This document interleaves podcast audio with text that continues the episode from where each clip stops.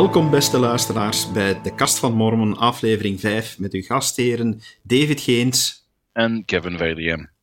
Gelukkig nieuwjaar iedereen, gelukkig nieuwjaar Kevin. Gelukkig nieuwjaar David. Ja. Fijn gevierd. Oh, ja, zeker en vast. Van uh, lekker hoog in het noorden gezeten. Uh, zo tussen de elanden en de herten en uh, de konijnen. Was echt wel prachtig om midden in de natuur te zitten. En jij? iets rustiger, maar we, we, hebben bij ons in de kerk een, een activiteitje gehad, een, een, nieuwjaarsactiviteit. Het waren niet zo gigantisch veel mensen, maar we hebben ons goed geamuseerd. Een beetje karaoke gezongen. Um, wat ook wel eens leuk was, uh, een paar duetten uh, die spontaan ontstaan zijn. Dat was, uh, dat was een heel leuke sfeer. Gelukkig dat, dat ik er dan niet bij was om mee te zingen. Ja, de vraag is gelukkig voor wie. Hè? voor de anderen.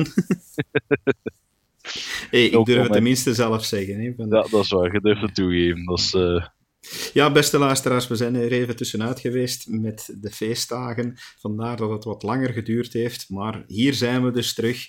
En we wensen jullie ook allemaal een heel fijn en gezegend 2017. En wij gaan zeker door met onze podcasts, Kevin. Ja, absoluut. Uh, het is nu de vijfde die we opnemen. En uh, ja, we kunnen er maar op vooruit gaan, uh, hopen. Hè? Ja, Goed, we hebben een aantal interessante onderwerpen bij elkaar gesprokkeld en dergelijke. Van, en uh, een eerste die ik met jou eens wou bespreken, Kevin, is eentje die toch wel redelijk wat aandacht heeft gekregen in het nieuws. Nog iets meer in Nederland dan in Vlaanderen. Maar gaat, ja, we zijn er weer over Trump, uh, dus de presidentsverkiezingen in Amerika geweest. Maar deze keer heel speciaal over het Mormon Tabernacle Choir. Uh, ja. Wat kan jij ons vertellen over dat koor? Dat het uh, een van de, zo niet het grootste koor is uh, ter wereld, dacht ik. Dat was het grootste. Een van de grootste, inderdaad, voor zover ik weet. Inderdaad.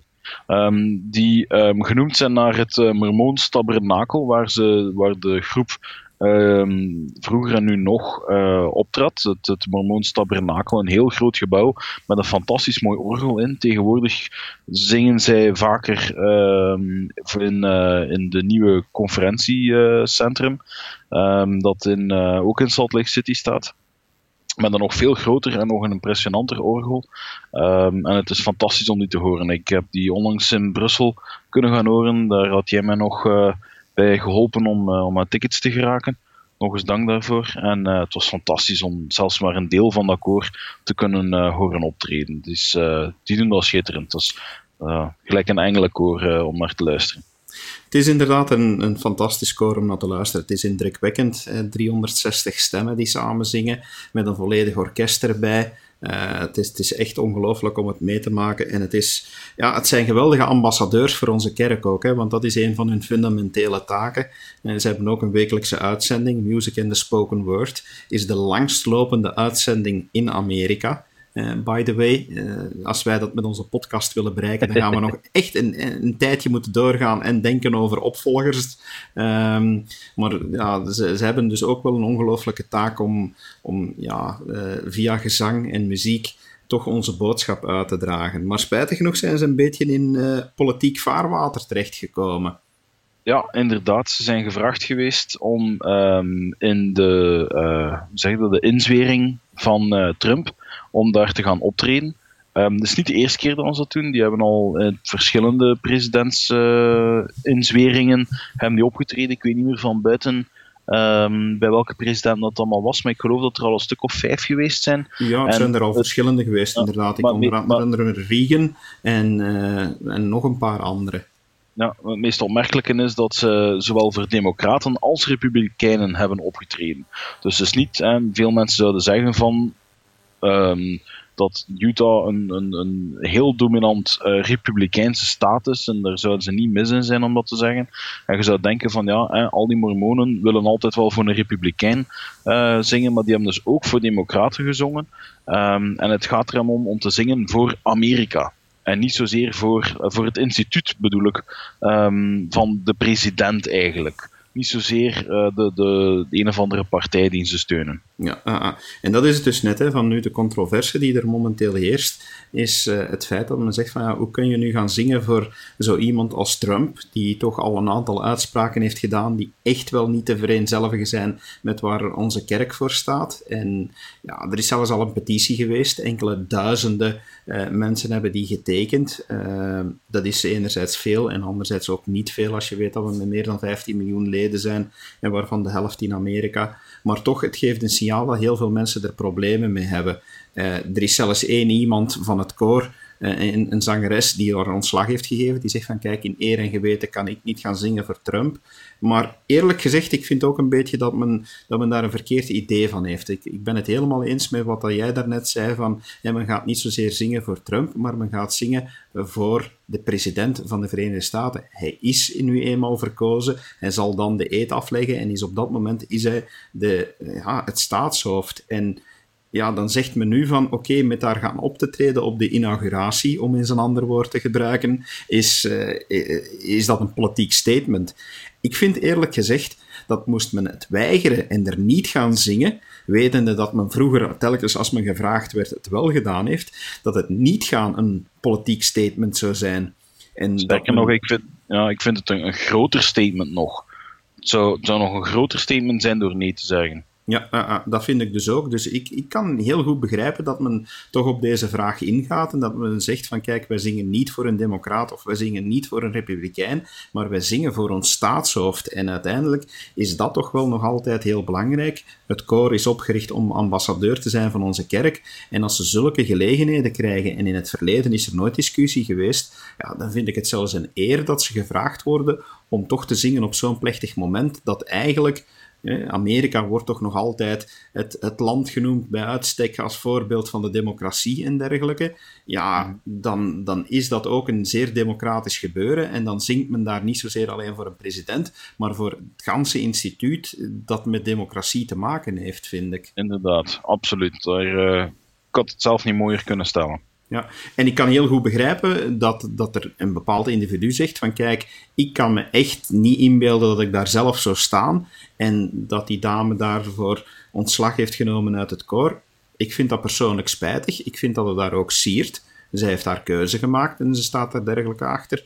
Maar ja, ik ben ook blij van, want ik heb even gezocht en men is er heel duidelijk in, want niet alle 360 leden gaan er naartoe.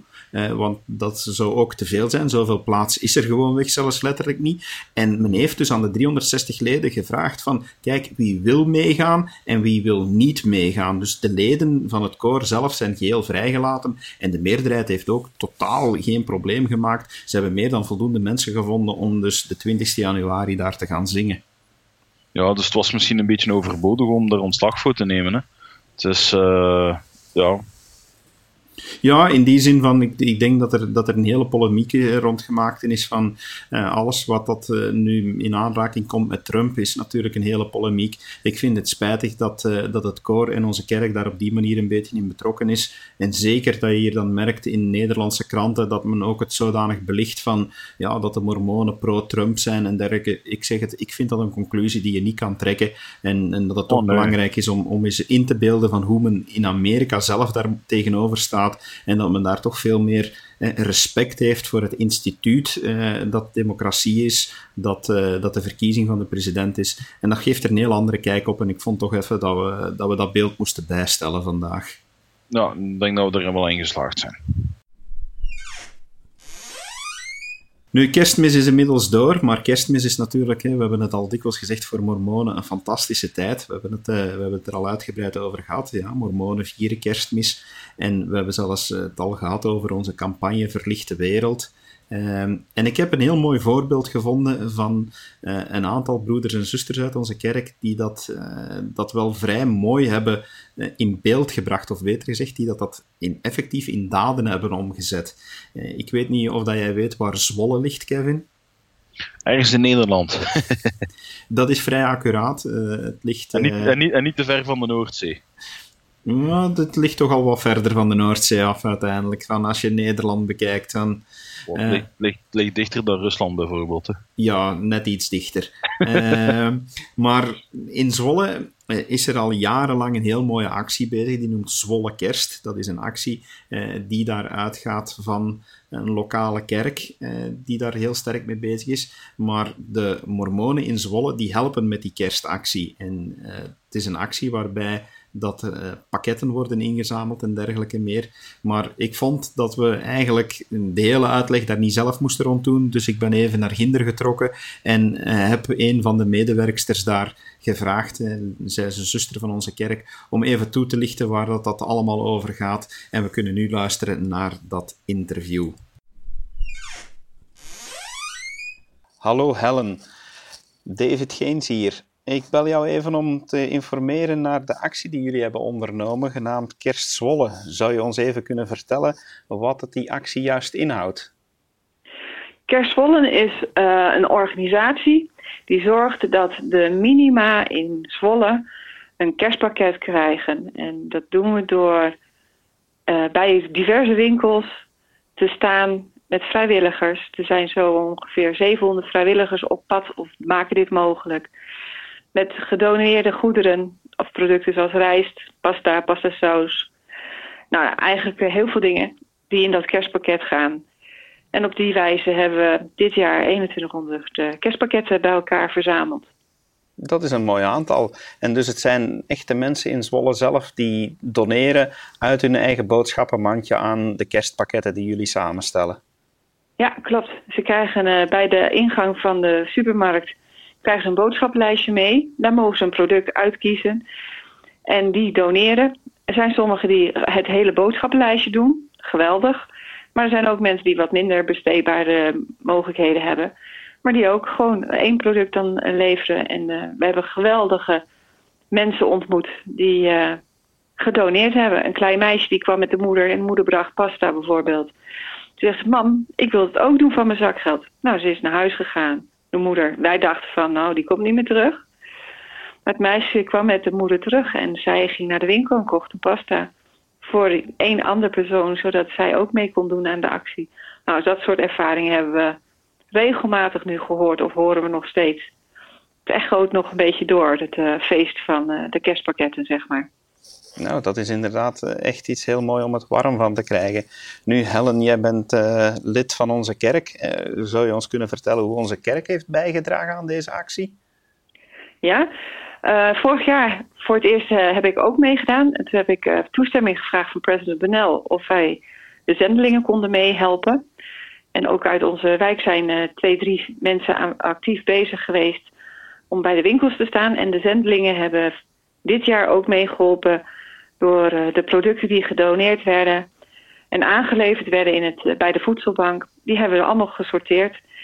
En dus hebben ze drie dagen meegewerkt om te sorteren. En uh, daarna een keertje een dag meegeholpen, of een avond eigenlijk, met het in dozen doen.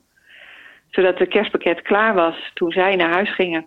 En toen hadden we de eerste inpakavond was 500 dozen. Zijn gevuld door leden en uh, ook leden van de Koningskerk, samen met de zendelingen en een paar leden van onze wijk, die daarbij geholpen hebben. Dat is een mooie samenwerking over verschillende religies heen.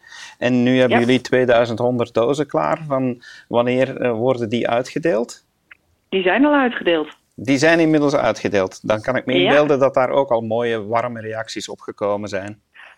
Nog niet, want die krijgen we pas uh, meestal na de kerst. Er zijn ook mensen die hem echt onder de kerstboom plaatsen. En uh, dan wachten we die reacties af. Uh, we weten dat vanavond is er bij de dakloze, daklozenzorg, de herberg, is er een kerstdiner. Dan zullen er 500 pakketten aan hun worden overhandigd. En ja, als ik tijd heb, ga ik daar nog even kijken om te proeven van hoe het deze mensen raakt. Ik weet van de mensen die daar werken. Dan zeggen ze, elk jaar is het weer ontroerend om te zien en hoe uh, hartverwarmend het is dat er toch mensen zijn die even laten weten, hé, hey, we denken aan je. In deze koude periode. En donkere periode ook nog voor velen. Die mooie actie, is die dan voor herhaling vatbaar volgend jaar, denk je? Oh, zeker weten. We zijn al tien jaar bezig. Uh, tien jaar geleden zijn we met uh, 40 dozen kerstpakketten begonnen. En vanuit de Koningskerk. En het is eigenlijk nu een beetje uitgegroeid tot een uh, ja, groot evenement, zeg maar. met de Koningskerk en vele kerken in Zwolle. Dus dat is, ja, daar gaan we zeker weer voor. We gaan het volgend jaar weer doen. Zeker doen, Helen.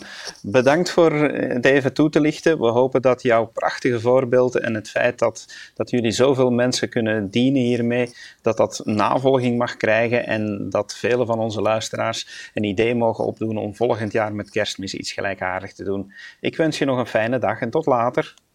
Hey, tot later hè. Doei.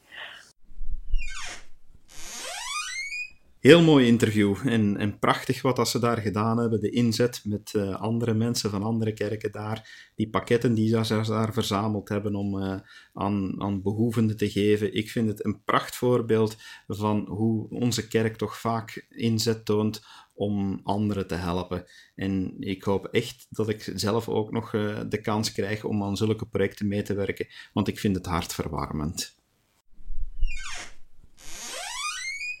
Een ander onderwerp, Kevin. Iets uh, wat, wat het ook heel mooi is, een aankondiging die we wel kunnen geven, is: uh, ken jij Savannah Stevenson? Wel, um, ik heb de aankondiging al gehad en ik had daarvoor nog niet van haar gehoord.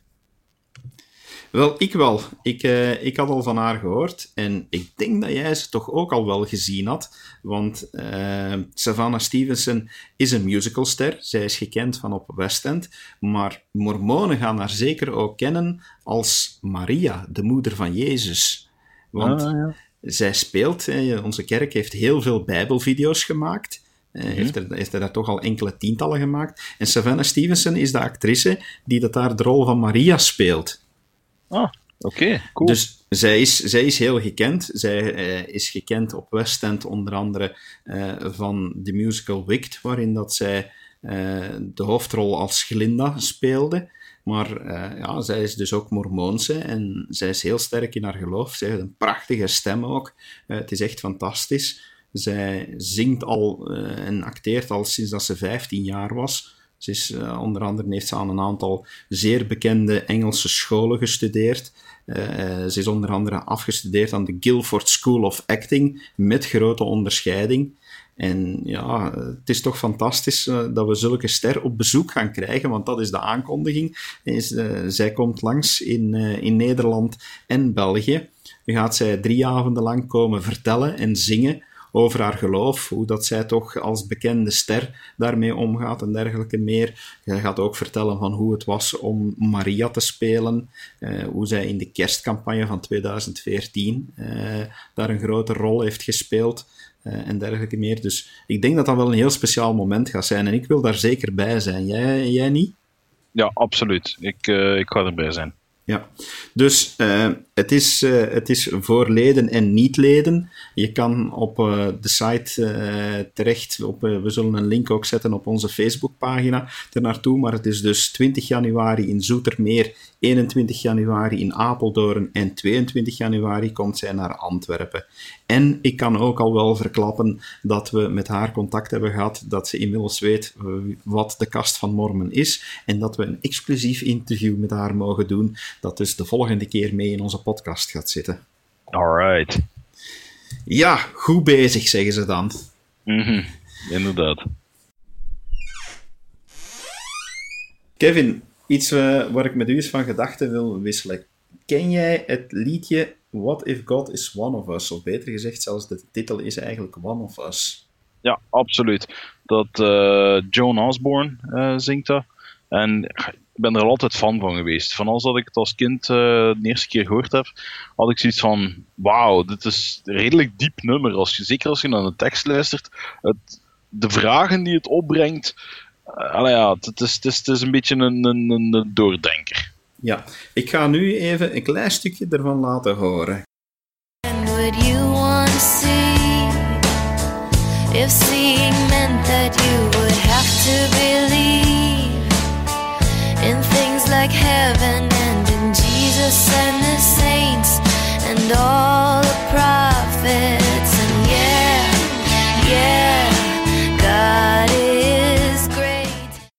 dit zinnetje spreekt mij zo enorm aan in dit, liedje. Van, van uiteindelijk, eh, ik vind, ik vind de vraag die ze hier stelt: van ja, zou je God willen zien? Als de consequentie is dat je dan ook niet anders dan kan geloven in God, in Jezus, in de profeten en dergelijke meer. Ik vind dat is een zeer interessante vraag om, om eigenlijk verder over, over na te denken. Oh, ik, ik vind dat ook een heel interessante vraag, want uiteindelijk het eerste geloofsartikel, eh, we hebben verschillende geloofsartikelen bij ons binnen de kerk en een daarvan zegt dat het eerste beginsel van het evangelie geloof is in de Heer Jezus Christus. Maar wat is geloof? Geloof is um, weten dat er iets is dat niet per se tastbaar is, of dat je niet kan zien, um, maar ja, een hoop die je daarop hebt. En ik heb zoiets van, als je God ziet, zoals dat Jozef Smit bijvoorbeeld gedaan had in het, in het eerste visioen, ja, dan is die twijfel weg en dan is er geen sprake meer van geloof. Vind ik dan toch. Wel, geloof, ja, en, en in die mate ook van, we, we weten ook dat het heel belangrijk is dat we vrije keuze hebben. Ik hoor heel veel mensen, als ik met hen daarover discussieer, en ik heb het dan over het begrip van vrije keuze en dergelijke, dat ik dan dikwijls zeg van, eh, want dan, eh, dan zegt men zo dikwijls van, ja, eh, waarom laat God zoveel ellende toe en dergelijke? Maar ik zeg van, ja, mensen, wat zouden jullie liever hebben? Dat hij constant ingrijpt en dat we eigenlijk niet meer zijn dan marionetten die aan een touwtje hangen en dat hij de marionettenspeler is? Of heb je echt toch liever de bevestiging dat hij onze volledige vrije keuze laat? Hmm. Maar als je dat dan aanvaardt, als je zegt van ja, ik vind dat de betere keuze, ja, dan moet je ook wel, wel durven zeggen van oké, uh, ja, die vrije keuze die moet dan absoluut zijn. En dat vind ik zo heel leuk dan aan dit zinnetje, is dat je gaat, uh, gaat vaststellen van ja, goed, hè, stel nu dat God wel zou verschijnen hier en daar en regelmatig zou laten zien van hé, hey, ik besta. Ja, dan moet je wel aanvaarden dat de consequentie is van oké, je moet in hem geloven. En ik moet dus ook al die geboden geloven en dergelijke. Dus dan is uw vrije keuze weer te niet gedaan. Uh, ja, inderdaad. En, en dat vind ik zo, zo toch eens heel bijzonder om, om over dit, dit liedje na te denken. En er staan nog prachtige zinnen in trouwens. Ehm, als, je, als je bijvoorbeeld ook ja, blijft stilstaan bij heel dat concept van wat als hij gewoon iemand van ons is. Als hij, als hij gewoon weg, ja, als je zijn naam kent, zou je hem gebruiken, zou je hem aanspreken. Ik weet niet, zou jij durven God aanspreken? Dat weet ik niet.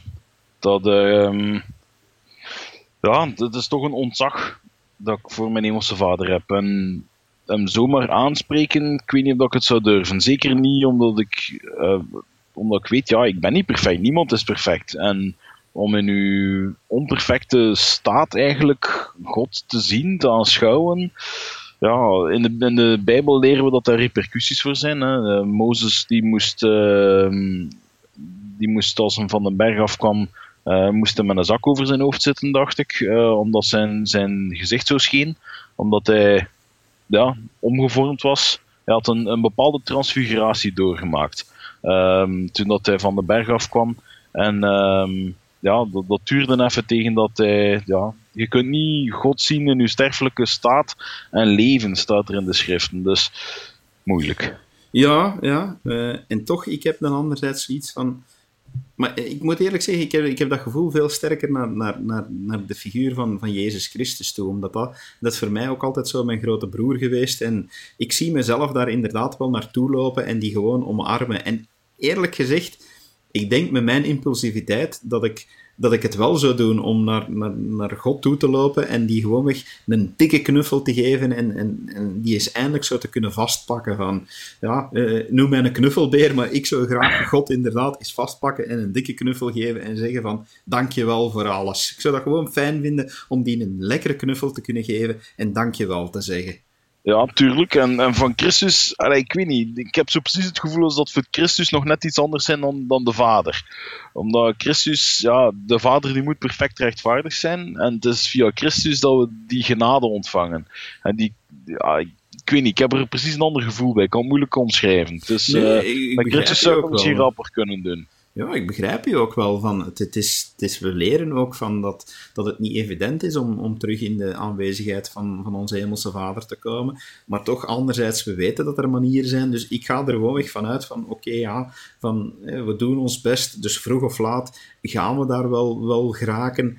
En echt van, ja, ik kijk, wel, ik kijk daar wel naar uit. En, en ook van, ja, zoals het dan in dat liedje allemaal ook gezegd wordt, van, ja, als, als je hem zou kunnen zien en dergelijke, van ja, ik zou dat toch wel, wel een heel bijzonder moment vinden. En ik, ik zou daar wel. Uh, ik, ik zie me daar volop van genieten. En, en daarmee dat, dat dat liedje echt mij ook zo, zo stilletjes krijgt. Ik, ik denk aan nog een aspect.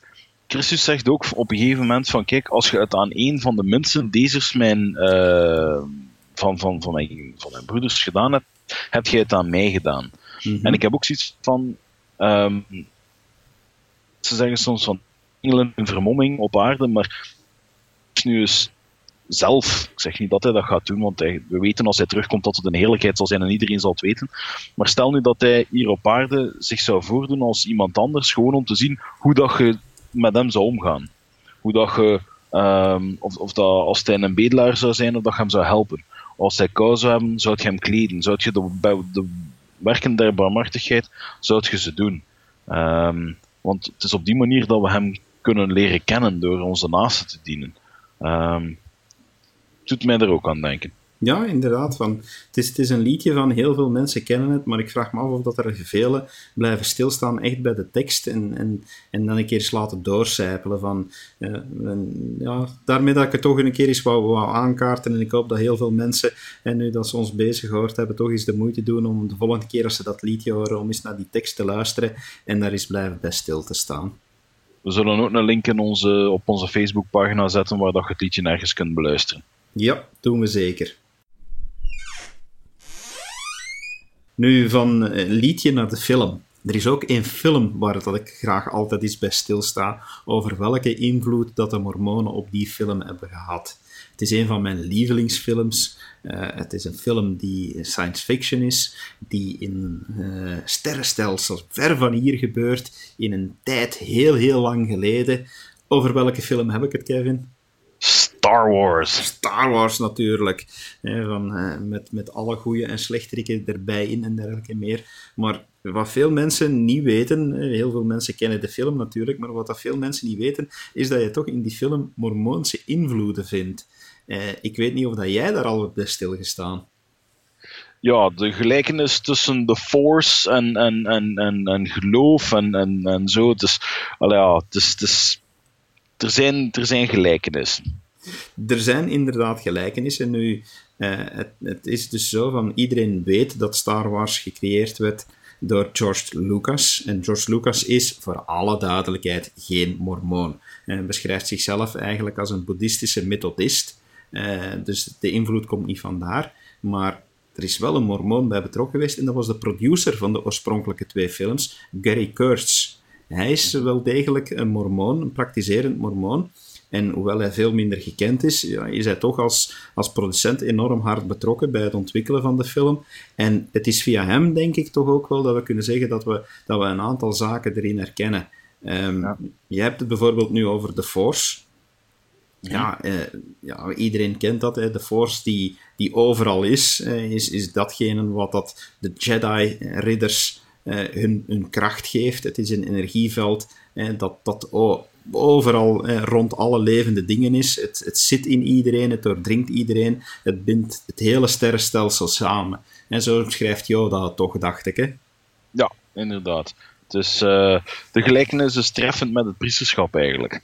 Um, het is ook de kracht waarbij de aarde en de, de hemelen geschapen werden. Um, en ja, met het priesterschap kunnen uh, zieken genezen worden, zelfs de doden opgewekt worden. En zoals het er in de schrift staat, daar kunnen zelfs bergen mee verzet worden. Dat is nogal wat anders dan uh, dat vliegtuigje van, uh, van onze held. Ja, inderdaad. Van, uh, we zouden eens een wedstrijd moeten houden. Hè? De Force versus het uh, priesterschap. eens kijken wie dat wint. Hè? Van, uh, ik denk dat ik, dat ik mijn geld inzet op priesters. Ah ja, wij mogen niet wedden. Dat is ook weer juist. Nee, dat is ook weer waar. Ja, we gaan het anders moeten oplossen. We vinden wel een andere manier om, om, om ja. deze wedstrijd ooit eens te beslechten. Ja, maar do or do not. There is no try.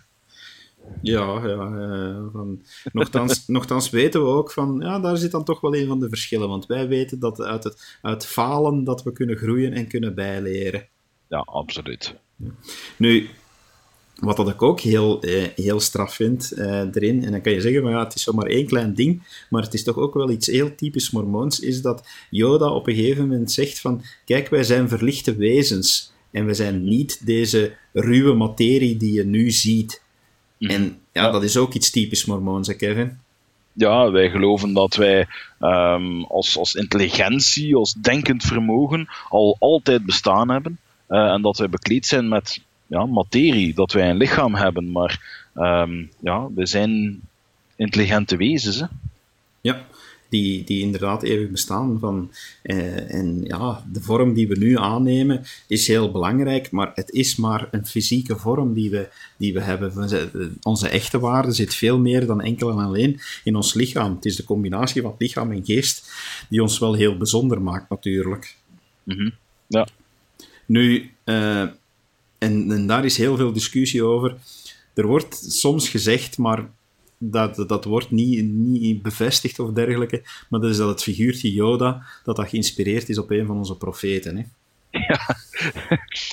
Als je heel goed je ogen eh, dichtknijpt en misschien door, door een groen glazen kijkt, dat het er misschien op lijkt. Maar er wordt inderdaad verwezen naar profeet Spencer W. Kimball.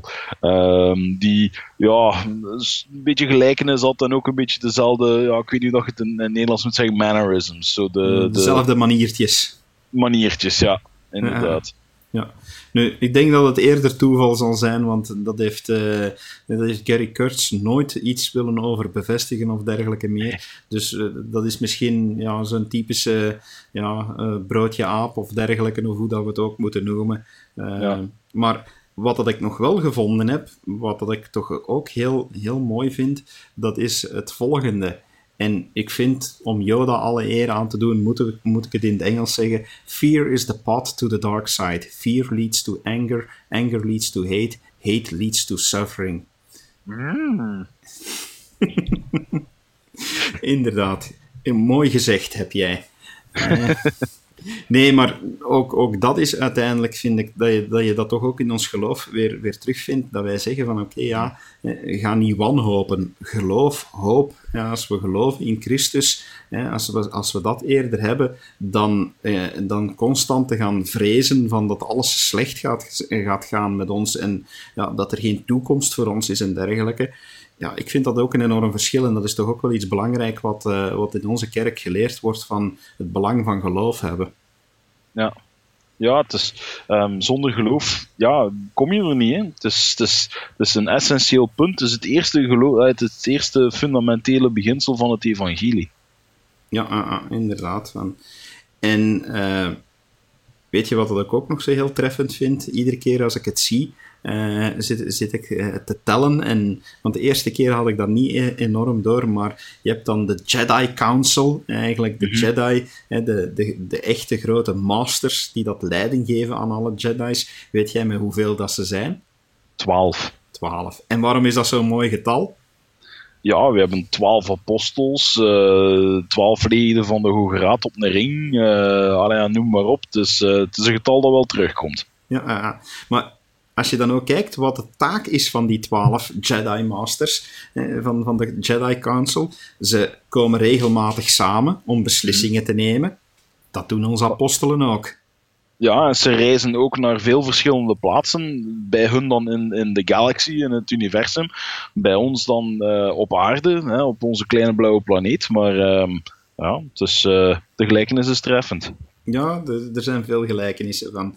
Eh, het, is, het, is, eh, het is bijzonder om te zien van. En, en ja, ik denk algemeen gesteld, nu zonder deze specifieke voorbeelden, maar Star Wars ja, heeft toch wel enorm veel diepgang. Er, er zit heel het gebeuren, de strijd tussen goed en kwaad, eh, de, de eeuwige strijd, de Jedi tegen de slechte Sith en dergelijke meer je ziet daar toch wel heel veel religieuze zaken in, zonder dan naar een specifieke religie te gaan kijken, maar uiteindelijk wie die films kan appreciëren en zegt van ik vind het een mooi verhaal, die zou toch in alle eerlijkheid moeten ook zeggen van kijk, ja, dan kan ik ook begrijpen dat religie een enorm mooi verhaal is. Eh, en waar meer in zit en meer diepgang in zit. Goed, eh, genoeg over, over die film. Jullie moeten allemaal maar gaan kijken. De laatste film was echt geweldig. Ik heb hem nog maar twee keer gezien, dus ik moet nog een paar keer gaan. Eh, maar dat komt wel in orde.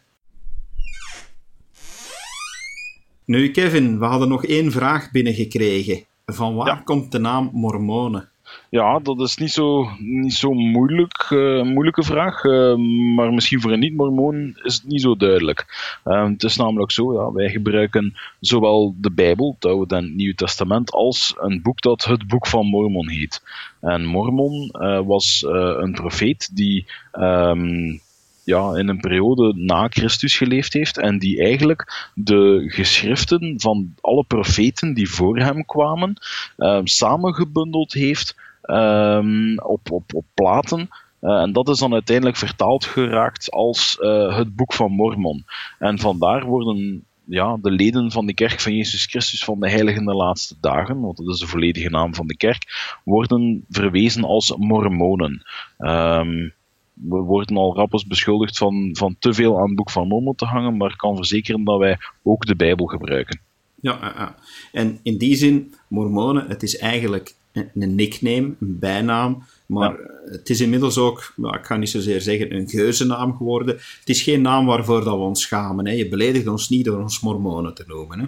Nee, absoluut niet. Het is uh, een naam die, die ik met, met fierheid kan dragen. We gebruiken hem zelf ook heel veel, hoewel we dus altijd heel duidelijk zeggen van kijk, onze kerk noemt niet de Mormoonse kerk. Zoals je zegt, de volledige naam is de kerk van Jezus Christus van de Heilige der Laatste Dagen. Maar dat is echt zo'n mond vol. Als je dan moet zeggen van ja, van eh, tot welk geloof behoor je, ja, is het veel makkelijker om te zeggen van ik ben Mormoon dan ik ben lid van en dan de hele boterham weer mee te geven. Hè. En de meeste mensen hebben het eerste deel van wat je gezegd hebt al vergeten tegen dat je aan Heiligen der Laatste Dagen komt. Dus, dus uh, het is inderdaad een mondvol. Ja, maar voor alle duidelijkheid, en dat wil ik toch even meegeven, want sommige mensen denken dan van, ah, maar jullie aanbidden dan niet zozeer Jezus Christus, maar wel dan die, die, die, figuur van Mormon en dergelijke. Maar dat is dus, dat is dus echt niet waar. Hè. Van, hè, vandaar ook, de officiële naam is wel degelijk de kerk van Jezus Christus. Hè, daar hoor je heel duidelijk van dat Jezus Christus bij ons centraal staat. En het boek van Mormon is, zoals jij zegt, een extra boek dat we hebben. We hebben er nog een paar extra. Uh, dus uh, vandaar ook uh, ja. dat de Bijbel zo belangrijk blijft. Ja, inderdaad. Um, in het boek van Mormon zelf, want Christus uh, zonder spoilers te willen weggeven voor wie uh, het boek nog nooit gelezen heeft. Uh, maar Christus bezoekt op een gegeven moment ook de mensen die op het, op het Amerikaanse continent zitten. En sticht daar ook zijn kerk, stelt ook twaalf discipelen aan. En op een gegeven moment is er ook de discussie over hoe ze zichzelf moeten noemen. En Christus zegt daar zelf van: kijk. Um, als het Mozes zijn kerk zou zijn, ja, dan moet je het naar Mozes noemen. Maar het is mijn kerk, dus noem het de kerk van Jezus Christus. Um, dat stuk van de heilige laatste dagen, dat is juist om de, de, de, distinctie te maken tussen de kerk zoals ze vroeger was en de kerk zoals ze nu is. Uh, maar fundamenteel is dat dezelfde kerk. Ja, inderdaad. En Jezus Christus staat centraal in ons geloof. Dus uh, zelfs met die naam Mormonen uh, kan misschien verwarrend zijn voor ons, wie ons niet kent, maar hopelijk hebben we dat bij deze recht gezet. Beste luisteraars, daarmee zijn we toch aan het einde gekomen van deze podcast. Aarzel niet om als jullie nog vragen hebben om ons deze door te sturen. We hebben er reeds een aantal van jullie gekregen en we zullen die de komende weken wel uh, allemaal proberen te beantwoorden. Bezoek ons regelmatig ook op onze Facebookpagina. Uh, daar plaatsen we regelmatig extra links naar extra informatie uh, over zaken die we in onze podcast hebben besproken. En als je vragen hebt, Kevin, wat is ons e-mailadres nu ook alweer? Goh, het is zo'n heel, heel moeilijke. Allee, zeg het maar. Ja, zeg het maar at kast, dekastvanmormon.info. Voilà, dat is het. Zeg het maar at dekastvanmormon.info. Dus laat daar uw vragen maar op toekomen. Geen vraag is ons te gek. Uh, je moet je niet schamen. Er zijn geen domme vragen, alleen domme antwoorden. En die proberen we zo weinig mogelijk te geven. We wensen jullie allemaal nog veel plezier met het na te denken over de zaken die we besproken hebben. En we hopen van jullie allemaal een volgende keer bij onze volgende podcast terug te ontmoeten. Tot later. Dag.